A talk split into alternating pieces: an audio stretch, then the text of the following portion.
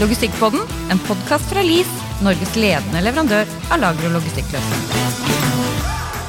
Vi har tidligere snakket med flere gjester om hva de tror AI kan gjøre for logistikken. Mange er litt skeptiske, men åpne for at dette kan være banebrytende for mange av prosessene i logistikken. Ja, men vi har ikke funnet noen sånne konkrete eksempler egentlig før nå. Eh, men i dag så skal vi snakke om AI, og hvordan dette kan effektivisere transporten-delen av logistikken. Og vi skal bl.a. snakke om en løsning som ble kåret faktisk til årets innovasjon innen transport og logistikk av det britiske magasinet Parcels and Postal Technology International. Et langt navn, men eh, ja, fikk med det. Velkommen til Logistikkpodden, Christian Østegard. Hei. Du er lead visionary i PostNord. Kan ikke du fortelle litt hva du har jobba med, og hva du jobber med, og fantastisk stillingstittel. Fortell litt om det. Ja, Eh, vad jag har jobbat med det är väldigt många saker. Jag har varit i, eh, i posten i 37 år kan man säga. Ehm, och jobbat, eh, jobbat som, i Danmark var jag, jag var jobbade i Post, Post Danmark, jag kommer från Danmark. Och jobbade där med att vara chef för våra terminaler. Så jag var logistikchef för vår paketaffär. Så har jag jobbat flera år i Belgien där jag byggde upp deras e-commerce. Och så de senaste 13 åren har jag jobbat i det som är Postnord nu som är mix mellan danska posten och svenska posten. Ehm, och där har jag koncentrerat mig om IT-utveckling. Eh, det vill säga det är en IT-utveckling som stöttar produktionen. Eh, som är kan man säga från kund till kund. Och eh, det jag också har gjort de senaste åren, där har jag jobbat mer som strateg. Det vill säga att tittat på vilka nya teknologier vi kan använda för att understötta den produktion som vi har idag. Och därigenom också väldigt mycket AI. Mm, spännande. Och det kommer vi lite sånn inn på etter hvert. Eh, PostNord, eh, de fleste kjenner jo PostNord. Kan man si noe sånn veldig kort eh, hvem PostNord er? Ja, men vi, vi, är väl, vi brukar säga att vi är Nordens största logistikaktör. Och vi opererar, vi har två, två länder där vi kan man säga är störst och det är, det är Danmark och Sverige. Och så är vi nog på andra platsen när det kommer till vår logistik i Norge och vi ligger lite längre ner när vi ligger i Finland. Så vi är en ganska stor logistikoperatör men vi har också förstås eh, en, en traditionell postoperation som är på samma sätt som ni känner i Norge ganska liten eh, eh, när man tittar på hur vi, var vi kom från cirka 20 år sedan. Så eh, vi har hela affären är också på samma sätt som andra postala enheter gått emot eh, logistiken. Før vi kommer inn på en av de løsningene som dere har valgt, og som vi skal snakke om i dag, så kan ikke du kort fortelle hva er Hvordan definerer du AI? Og hvilke rare og eventuelt imponerende løsninger har du sett eh, ute i verden? Oj. Eh, definiering av AI. Ja, men så kan jag säga att det bästa eh, sättet att, tänka, att se sig det framför sig det är att faktiskt att man, man ser informationen från ovan och man tar ut de saker som man inte vill se. Och så behåller man de saker man vill se. Och så därigenom får man några tydliga, mycket tydligare spår som man kan se genom en genom en, en, eh, en, en databehandling istället för att ha kan man säga alla de bias som ligger eh, som du och jag har som personer när vi tittar på saker. Eh, och det är där, det är där skillnaden kommer. Den gör faktiskt ett, ett, att det, är mycket, det kan vara mycket enklare att komma till, till eh, snabba konklusioner. Och det kan, eh, en AI kan också genom, speciellt genom det som har hänt inom eh, dataområdet de senaste åren, kan också, alltså man kan man kan hantera mycket, mycket mer data än man kan själv eller man kan jobba med i en spreadsheet eller något annat. Alltså det, det är det som ger möjligheterna. När vi pratar vad vi har sett, ja men vi har sett massor av saker. Det är väldigt, alltså, om ni, alltså, jag använder ju ChatGPT som, eh, som har kommit fram här de senaste, senaste månaderna till eh, också när jag jobbar idag. När jag går in och söker på saker. Om jag, om jag ska göra en presentation, varför går jag inte in, så går jag gärna in och frågar eh, ChatGPT om kan komma med ett layout och andra saker. Det är väldigt på det nära, men det är bara för att säga att det här famnar så brett idag. Eh, och, och den, den, alltså det sättet att jobba med AI på som vi ser inom logistiken, det vi har nog gjort några lösningar. Eh, bland annat har vi byggt, eh, vi kan komma in på det senare, men vi har byggt en digital tvilling som gör att eh, vi bättre kan simulera vår sortering i våra paketterminaler. Vi har byggt en digital tvilling på våra Linehalls i Sverige eh, så vi faktiskt kan beräkna mycket bättre kan man säga en transportplan på cross av alla våra terminaler i Sverige till att sätta upp en, en transportplan.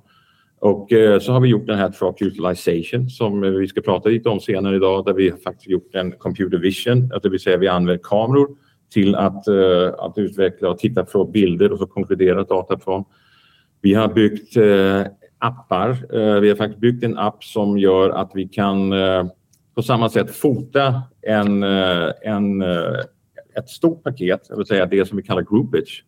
Att vi kan fota det och så kan vi få måtten upp istället för att springa runt med ett mätband och säga den här är 1,70 hög och 1,30 bred. Då tar vi en kamera som kommer från en iPhone och så har vi använt LiDAR-teknologin till att göra en, en faktureringsmotor som går, kan gå direkt in i våra faktureringssystem som väldigt snabbt gör fakta av det här och tar bilder av det. Så det, det är väldigt många lösningar och vi ser faktiskt eh, i, överallt idag att eh, det händer mycket, mycket mera med databehandlingen också. Att, eh, att vi blir mycket bättre till att och, och, och kombinera våra erfarenheter och det vi har sett i data till att göra snabba, enkla konklusioner. Så jag tror vi kommer se det här överallt och vi ser det överallt. Så men eh, det, det, är mycket att prata om eh, i det här området. Ja. Det vill jag tro.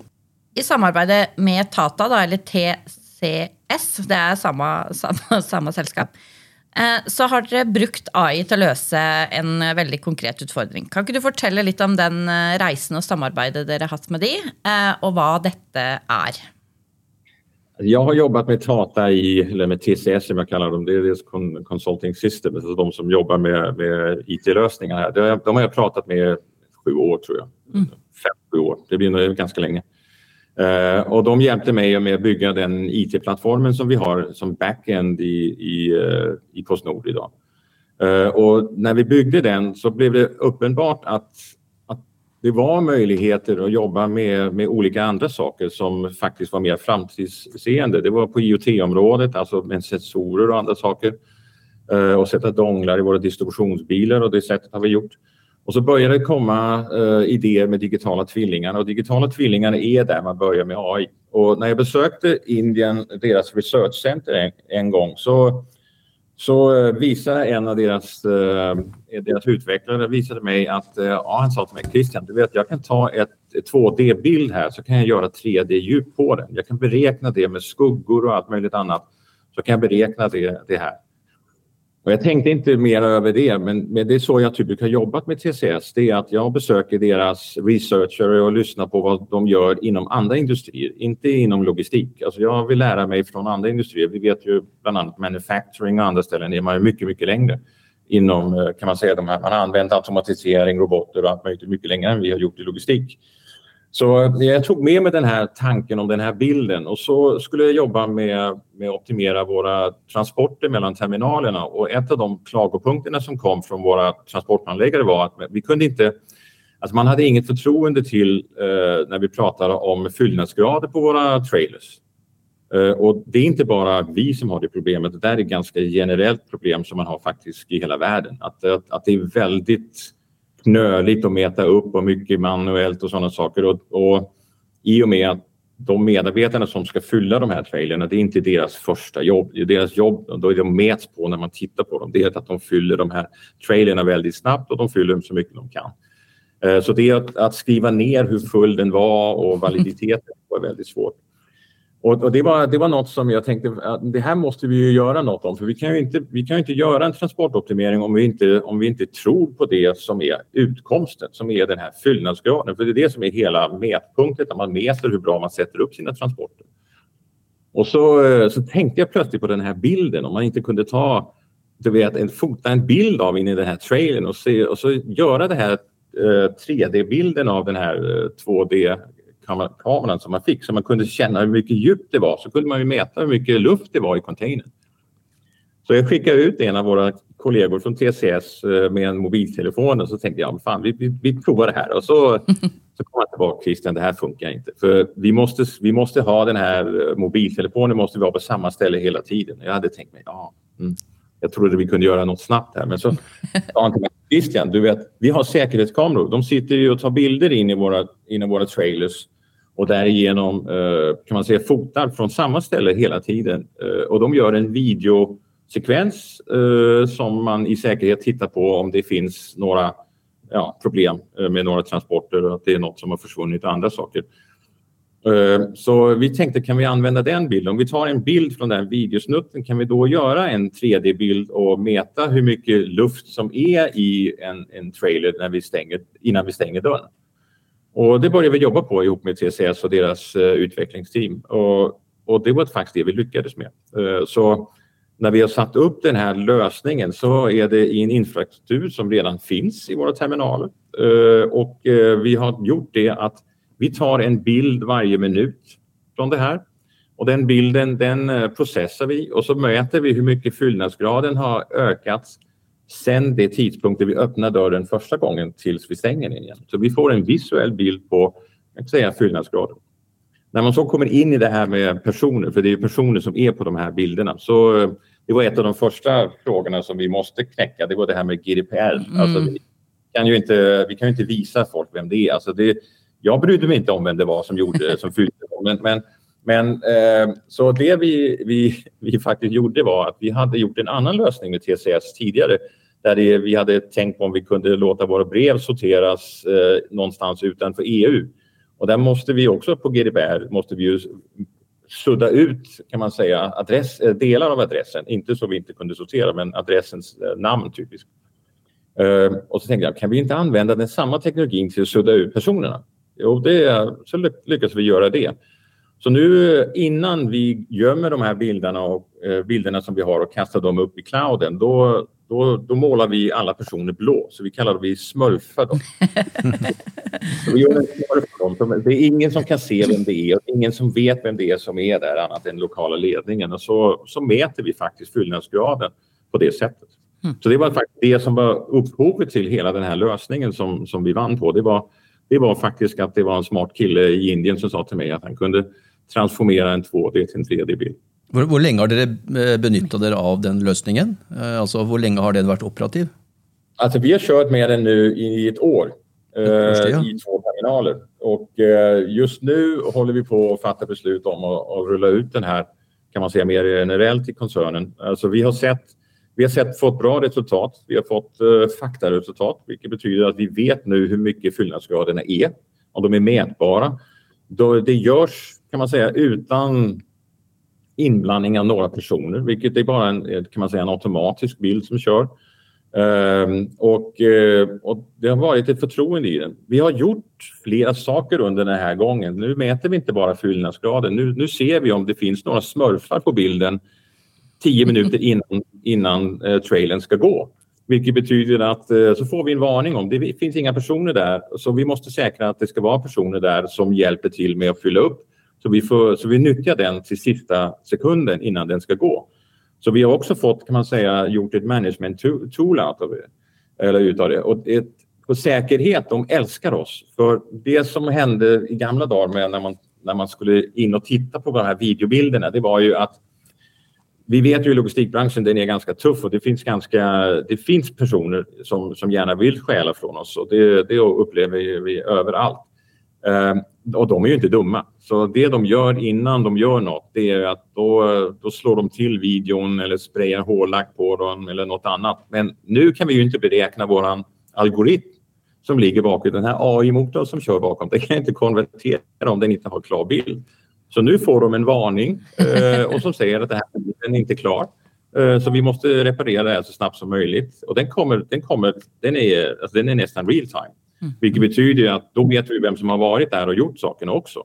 Eh, så det blir väldigt svårt. Så, det, så säkerhet tycker det här är fantastiskt. Tekniker tycker också att det är fantastiskt för de får också varningar om att ljuset inte fungerar in i trailern eller porten har inte varit långt nog nere för att vi kan mäta vilket ju är ett arbetssäkerhet för att det inte är någon som går och slår huvudet eh, in i porten när man går in och lastar. Så man kan säga och, alltså på många facetter så blev det här, den här bilden blev faktiskt ett, ett väldigt operativt verktyg och också som, som terminalcheferna nu kan sitta hemma och dricka ett glas vin på en fredagkväll och se hur det går på sin terminal. tycker mm. också om det här.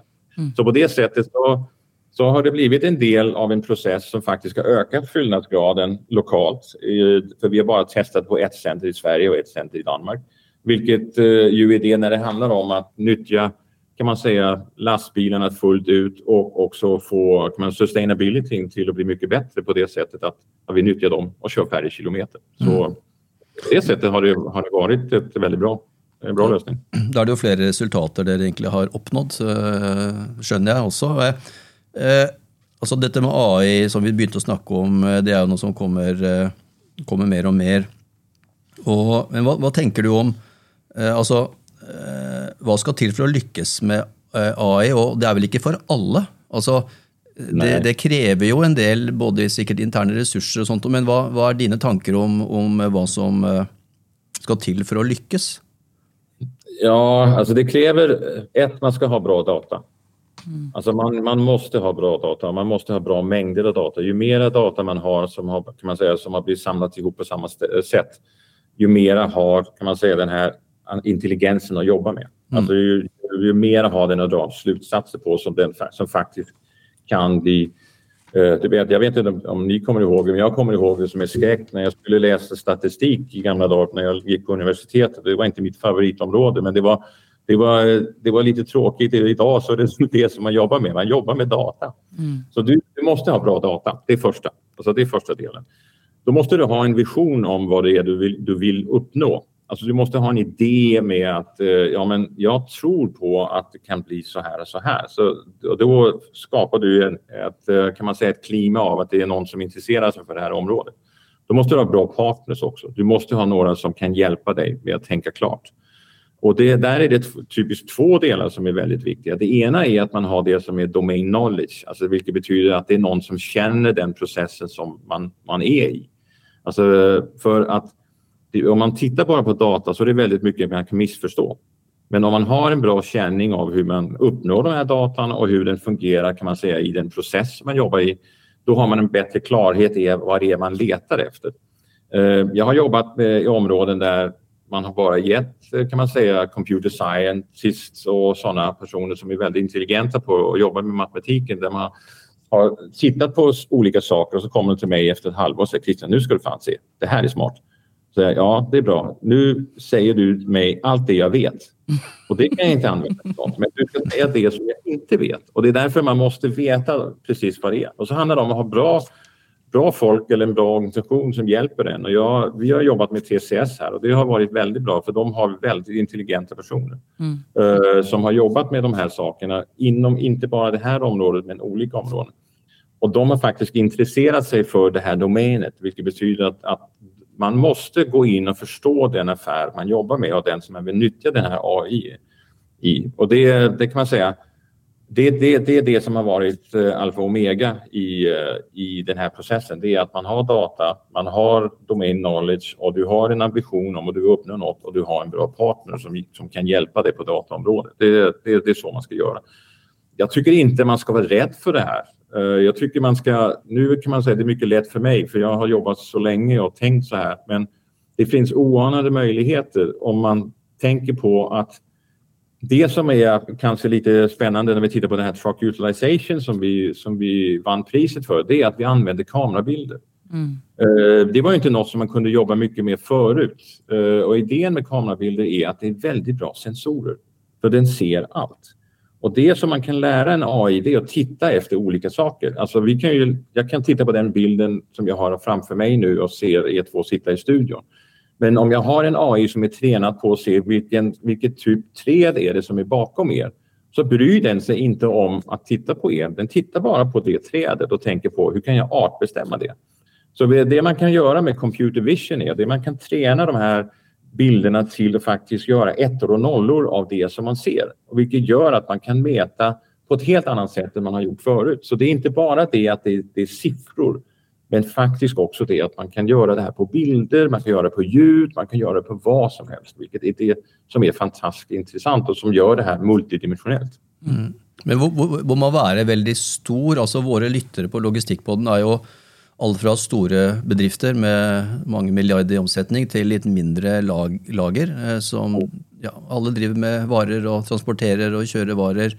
Eh, og så tenker jeg, er det her noe du tenker eh, er, er for flere? Altså, Må man være på snor liksom, for å sette i gang slike prosesser?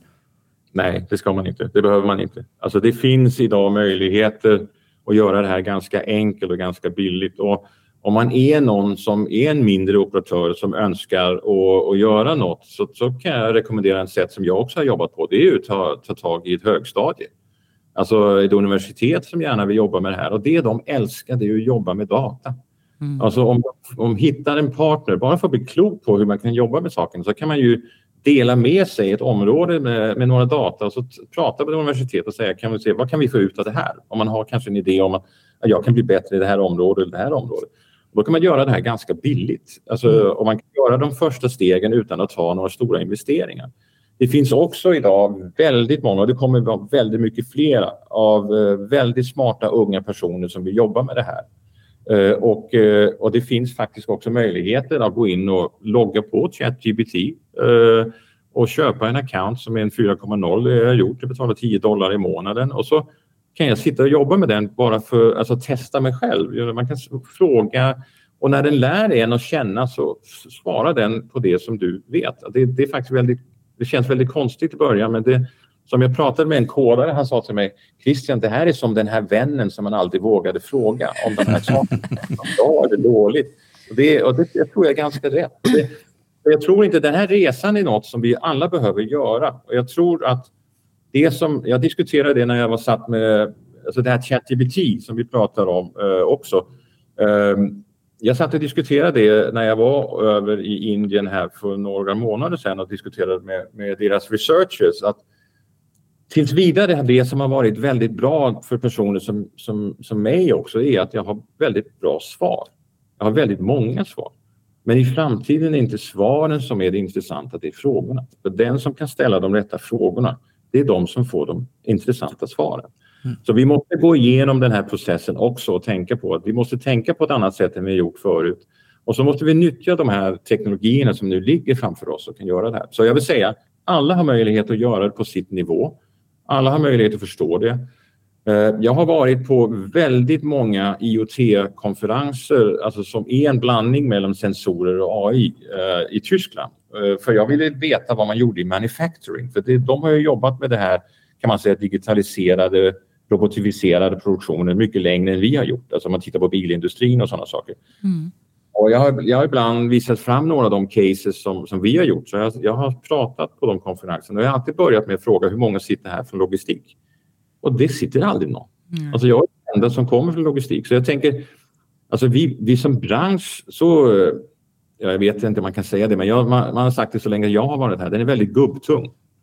Alltså det, det, det, är en, alltså det betyder i flera eh, sätt att man är inte van att dela med sig av information. Man är inte, man är inte van att dela med sig av data. Man håller gärna data för sig själv.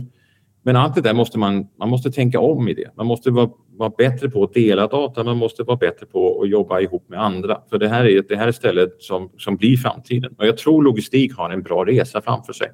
I och med att vi inte har nyttjat det här så väldigt mycket tidigare så ser jag möjligheterna enorma. Och ibland vill jag önska att jag var 20 år yngre och hade ork mer av den här branschen. Men det, du vet, när man har varit här i, i snart 40 år så så jag har inte 40 år kvar. Men, men det finns väldigt, väldigt mycket eh, som industrin kan göra. Och, och som du säger också, att det, är att, eh, att det, här är, det här är något som vi, eh, vi kan se alla kan använda. Mm.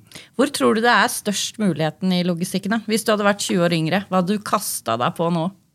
Ja, jag tror jag gjorde det som jag gör nu, för jag tycker det här är fantastiskt intressant. Alltså, jag sitter Ja, eh, man talar väldigt mycket om eh, idag om att etablera det som heter digital thread, det vill säga att man, man måste få data på allt det man gör.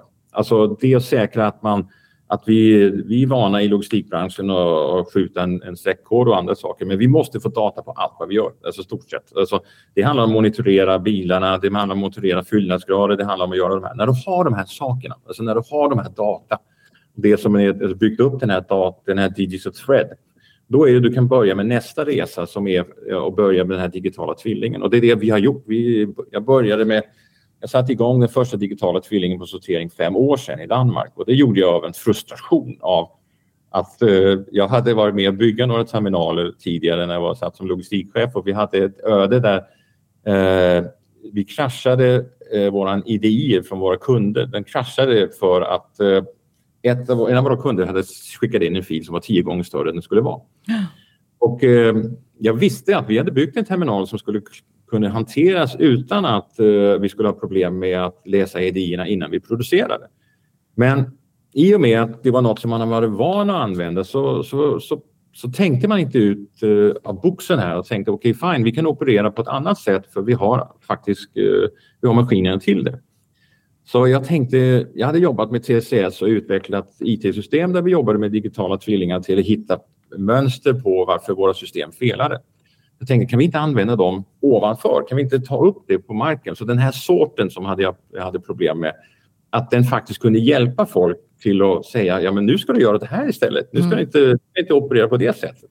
Och det är det som, man, som en digital tvilling är. Det är faktiskt en, en stor simulator där du kan lägga in olika möjligheter att exekvera på. Och det är det som man bygger gärna efter den här digitala tvillingen. Och så kommer kan man säga den tredje delen som är en, när jag går på pension. Dessvärre. Eh, nu kommer det mer och mer till att vi ser de här dark stores eller dark smart sortings som där, där man kan säga att, att terminalerna blir intelligenta och tar fler och fler av besluten. Uh, och så låter man väldigt få beslut uh, ligga till kan man säga personer men de får uppdrag i att säkra att allt annat hänger ihop. Alltså att uh, personerna som är kvar är på de rätta ställena och sådana saker. Så jag tror en framtid i det här, det är alltså om man är techsnille och har lust att jobba med teknologi och sådana saker, så tror jag logistikbranschen den är fantastisk. Vi är lite efter mm. och vi har möjligheten att låna allt från det som de har jobbat på i manufacturing för många, många år. Så, så det, det tror jag det, det, det, är möjligheten. Mm, jag tänker ju också, som du säger, och är ju eh, Eh, for så vidt enig med dig, logistikken er jo litt, sånn, litt bakpå i teknologien i forhold til mange andre bransjer. Det er vel også en stor mulighet for noen å faktisk hive seg over den teknologien og, ta, og kapre markedsandeler og, eh, i den bransjen. og eh, Vanskelig for deg å svare på, selvfølgelig, men det er liksom alltid lyst å spørre når, hvis man ser litt fram i tid, om det er fem eller ti år, er det fortsatt like mange konkurrenter i markedet, eller tenker du at det kommer til å bli noen Alltså, vem, vem är markedsvinner? Ja, och det vet jag inte. Uh, eh, och det är det vi kommer att se, vem som kommer nyttja de här teknologierna bäst. Vi vet ju att vi har ju spelare som Amazon som, som dominerar i olika länder. Uh, vi ser kineserna kommer in också springande in i Europa, väldigt tunga steg. Uh, speciellt när vi kommer till, kan man säga, genom Polen, Holland. Vi har uh, Chinese som går ner genom Spanien och, och Frankrike. Det är väldigt stora spelare här och eh, jag tror att eh, alltså, Amazon har 360 000 plus roboter de jobbar med. Eh, det kommer vara väldigt mycket storkapital som kommer driva de här sakerna. Men jag tror de som också är nära kunden, alltså när vi tittar på det, alltså om vi tittar på lokala mindre spelare så tror jag de som är nära kunden hittar alltid nisch. Alltså mm. det finns Alltså, vi kunde ju se under pandemin här eh, hur mycket vi ändrade vårt beteende. Eh, alltså jag, jag blev ju mycket mer hemmagående än jag hade någonsin tänkt jag kunde bli och, och det ändrade också mina beteenden. Jag tror vi alla, om du tittar på hur många locker som har lagts ut nu i Norge och, och det sättet som vi kan se att spelplanen ändrar sig både för, för Postnord och Posten Norge i Norge så är det ju väldigt mycket ändring vi har sett de senaste två åren. Och vi ser ju också att, att, eh, att vår främsta konkurrent i Norge som är Posten Norge, de jobbar ju också väldigt mycket med nya teknologier och sådana saker. Så det, det jag tror jag tror om man är bra på sitt hemmamarknad och så ligger man ett ställe där man har en svår infrastruktur som vi har i Norden. Alltså vi har ju väldigt många kilometer mm. och långt mellan personer. Då tror jag vi kan fasthålla våra positioner om vi är bra på kan man säga, det som alla kan tjäna pengar på, det är den här cherry picking som är i storstäderna. Mm. Eh, men jag tror att vi kommer ha en konsolidering, för jag tror många av de små aktörerna som vi är inne, de är inne idag för the buck. Alltså de är inne för att, att ta en del av den här, kan man säga, på samma sätt som vi har sett på teleområdet.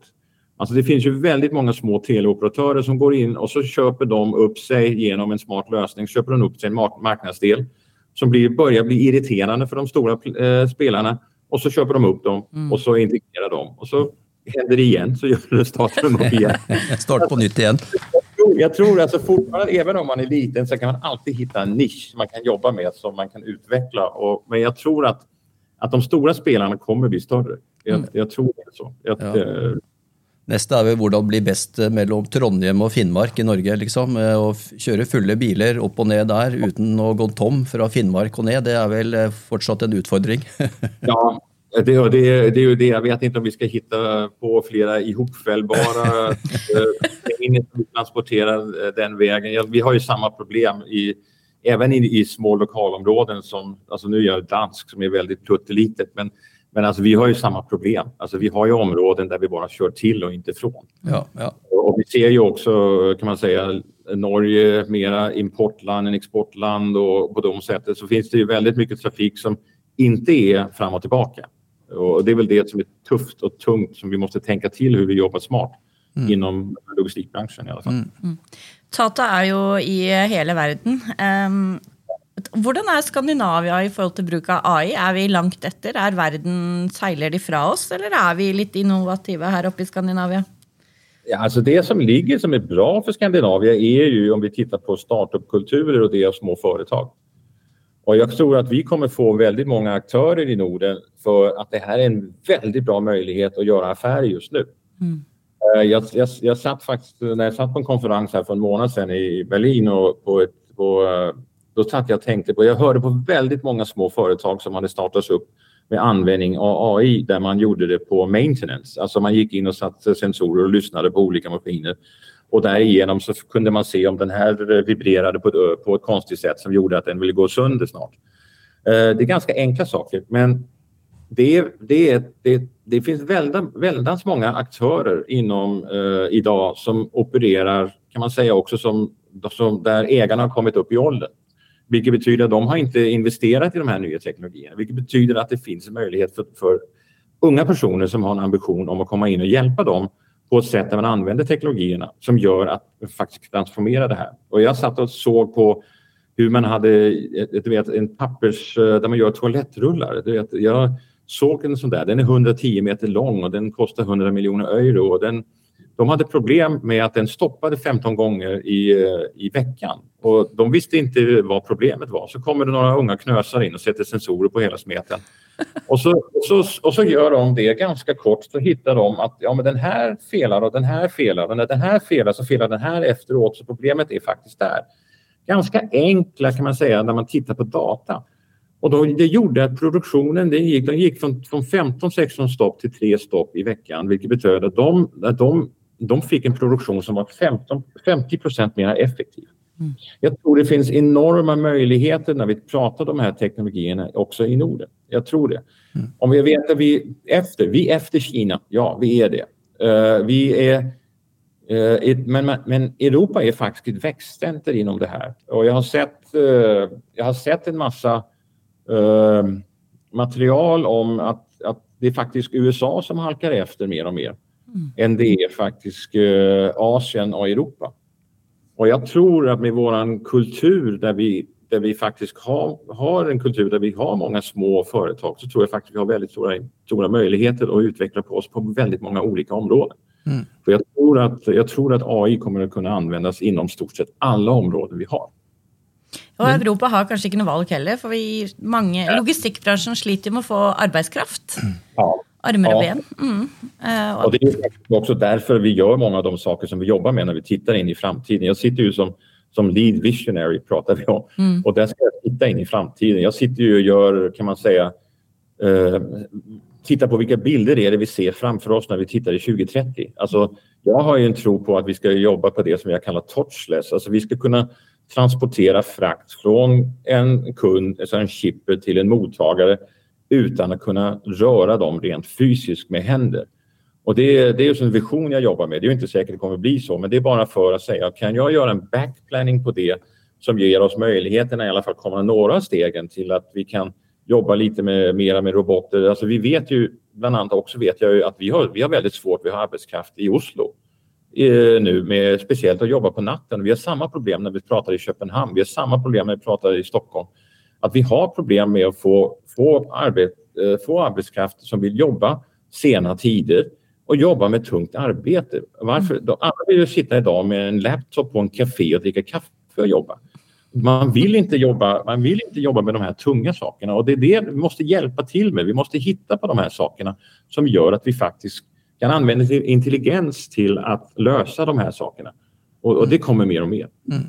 En annen ting jeg har lyst til å spørre om, men eh, du kunne sikkert snakket en hel podkast om, men når vi nå først har deg i studio, og du har vært så lenge i denne bransjen, og, så, og det er jo kanskje ikke ditt felt heller, men i forhold til dette her med levering, som du så vidt var innom, Altså, Man har snakket om droner, man har snakket om boks. Skal man ha postkasse? Skal man eh, helt hjem? Pick-up points?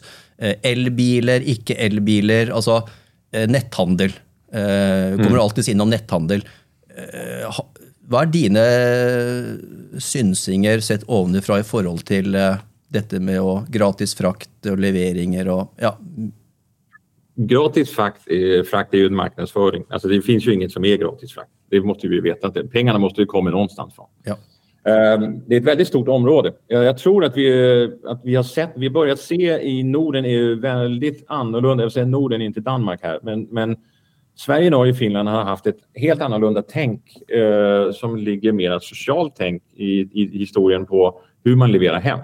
För hem var ju faktiskt en postbutik där man mötte sina grannar, där man gick ut och, och kan man säga som var ett, ett centralt fokuspunkt.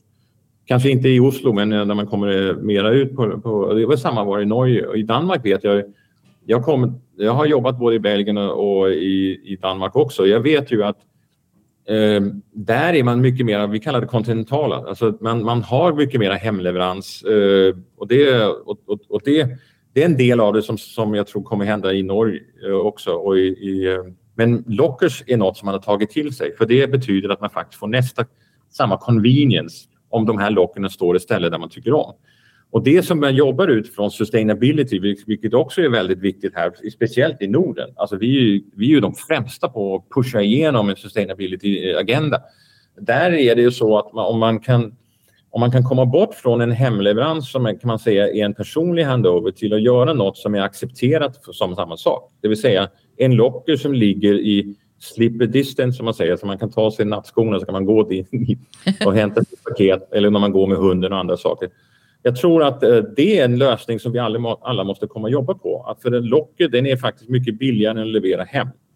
Så har vi också, vi har ju fortfarande en puderpunkt som, som är, som är de här postala eller, eller de här utdelningspunkterna som är, finns alla ställen. Ehm, det är fortfarande sustainability också en väldigt bra lösning som faktiskt också ger en bra convenience för en stor del av våra slutkunder. Det kommer fortfarande vara där, men jag tror att beroende på hur mycket mängderna växer så tror jag vi kommer se en robotifiering där. Vi kommer se att eh, på samma sätt som man har sett i USA där man har, har tagit de här stora robotarna och i Walmart har man flyttat dem inifrån, kan man säga, inne i deras butiker till utanför för att ge den här convenience att du bara kör förbi med en bil och så öppnar och trycker på en knapp och så får du ditt paket in i bilen eh, mer eller mindre. Det tror jag också kommer eh, på de kan man säga, stora utleveringsställen för det, det är en mycket billigare lösning. Eh, jag tror att drönare tror jag inte mycket på. Jag tror vi kommer att se drönare på några ställen där det ger mening. Vi kommer se det kanske till att flyga ut på öar eller där vi har ställen som är väldigt långt borta från alla andra. Det tror jag att vi kan göra någon typ av lösning. Jag har inte varit, jag tror mer på de här landsgående drönarna men jag tror inte på de här små som går till hemleverans. Det tror jag inte på. Jag tror på dem Alltså vi kan, vi kan göra mobila äh, parcel lockers. Alltså det finns ju en möjlighet och vi ser att det är några som testar det runt omkring. De tror jag faktiskt mera på att det att du kan ha en parkeringsplats i en stan, för vi kommer ju få färre och färre parkeringsplatser och bilar som, som åker runt i stan. Men vi kommer få färre som använder parkeringsplatser eh, där man kan ställa en, en locker, eh, mobillocker och, och så, som ett släp eller något och så tar den här autonoma bilen och kör vidare och hämtar en ny och ställer på en annan parkeringsplats. Så står den där kanske sex timmar och så kör den bort igen. Mm. Uh, och den, tar inte, den fyller inte något i stadstrafiken eller något annat. Den, den är där bara när det, det ger mening. Jag tror sådana saker kommer. Mm. Uh, mera. Uh, så det, är på det sättet att det kommer vara en robotifiering, det kommer vara en digitalisering, automatisering, men det kommer bli mindre spretigt för det finns inte kapital i att ha de här Starship som kör runt och leverar till, eh, till eh, hemleverans. Alltså jag, var, jag var i Helsinki och det var, jag, jag, jag, jag skrattade för det, det, var, det stod tio av de här uh, Starships och väntade vid en, vid en sån här trafikövergång. För den här, den, den, den bytte bara när man tryckte på knappen. Och det var inga av dem som hade en finger som kunde trycka på knappen så att det ut och gå över. Jag tror att, alltså, det, det, det är sådana saker som, alltså det är pyttesmå saker men som faktiskt kan bli, kan man säga, väldigt stora problem för oss att lösa i, i, den, här, i den här processen. Så mm. Jag tror det kommer hända väldigt mycket och jag tror att att sustainability kommer att driva det här också. Mm. Uh, och så blir det kostnadsperspektiv och så vet vi ju att vi kan inte få staffing till de här chaufförjobben i framtiden. Det kommer att bli väldigt svårt. Det är ett tufft jobb att köra och leverera paket. Mm. Alltså, det vet alla som har gjort det och som har provat det. Det här är ett, ett väldigt tufft jobb och det är väldigt mycket stress. Och jag tror det är det som man talar väldigt mycket om i kontinenten idag, är, är stressfaktorn eh, för de personer som kör med paket idag. För det kommer bara bli, bli mera monitorerat att du, du ska ha en ETA som är eh, till en kvart eller något annat som de måste hantera. Och, och det är väldigt mycket saker som gör att man, man, man kanske nog hittar ett annat jobb. Det här var... det vi kunde ha haft en episode igen, vi, Börge. Ja, det, det här var det... Eh, väldigt intressant. Det kan hända vi måste invitera dig igen, alltså, Christian. Du får gärna invitera mig igen. Jag tycker om att prata, så det gör inget. Ja. Tusen hjärtligt tack för att du har varit med i Logistikpodden. Ja. Väldigt för att ni tänkte på mig och, och TCS tänkte på mig. Jag säger tack också. Tack för idag. Tack för idag.